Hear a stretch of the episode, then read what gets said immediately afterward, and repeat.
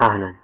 عدت لكم وأتمنى أن لا يكون غيابي أنهى صلاحية عقولكم المفكرة أما تساءلت يوما عن حقيقة التساؤل هل شعرت وكأن, وكأن وعيك خرج من عقلك؟ لعدم قدرتك على تفسير ما يجري حولك؟ لا أعلم إن كنت مررت بهذا ولكنني اختبرت هذا الشعور وحقيقة لعدة مرات. في الواقع إن عقولنا كالحجرة حجرة أوصد التطور بابها وأحكم قفلها الشعب. وحذروك ألا تفكر خارج هذا النطاق وإلا ستكون العاقبة وخيمة. ومهما حاولت كسر ذلك القفل تراه يزداد صلابة عن مكان لينتهي بك المطاف حبيسا في زنزانة أفكارك ولا تستطيع الخروج من ذلك الباب. والأسوأ هل تعلم ما الأسوأ؟